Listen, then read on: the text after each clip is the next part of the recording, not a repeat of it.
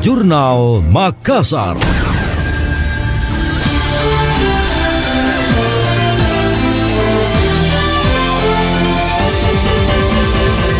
Pemerintah Kota Makassar mengantisipasi kenaikan inflasi menjelang Hari Raya Natal dan Tahun Baru 2023 dengan menggelar operasi pasar di sejumlah wilayah.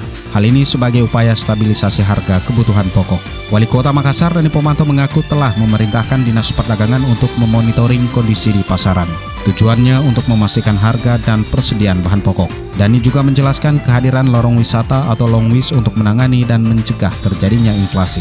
Program tersebut diyakini bisa membantu masyarakat untuk memenuhi kebutuhannya, baik kebutuhan pangan maupun kebutuhan lain yang dilakukan secara mandiri oleh warga yang bermukim di lorong. Harga sejumlah bahan pokok di Makassar terpantau mengalami kenaikan, seperti yang dikutip dari data Dinas Perdagangan Makassar. Seperti telur ayam dari harga 53.100 menjadi 53.800 per rak. Selain itu cabai merah keriting menjadi 19.500 dari 18.750 per kilogram. Sedangkan komoditi yang mengalami penurunan harga seperti gula pasir, minyak goreng kemasan premium, bawang putih, dan kacang tanah.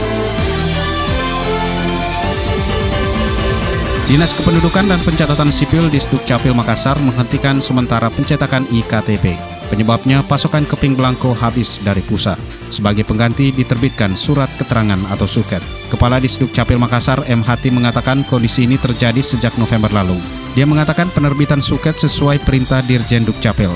Masyarakat diminta tidak khawatir karena fungsi suket sama dengan IKTP, termasuk bisa digunakan untuk keperluan dan pemanfaatan layanan publik. Hati menambahkan suket membuktikan warga tersebut sudah melakukan perekaman data kependudukan.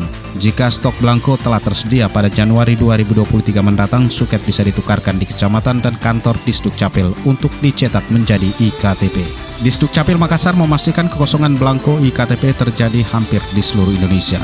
Hati menambahkan telah bermohon langsung ke Kemendagri untuk pengajuan belangko, namun stok memang kosong.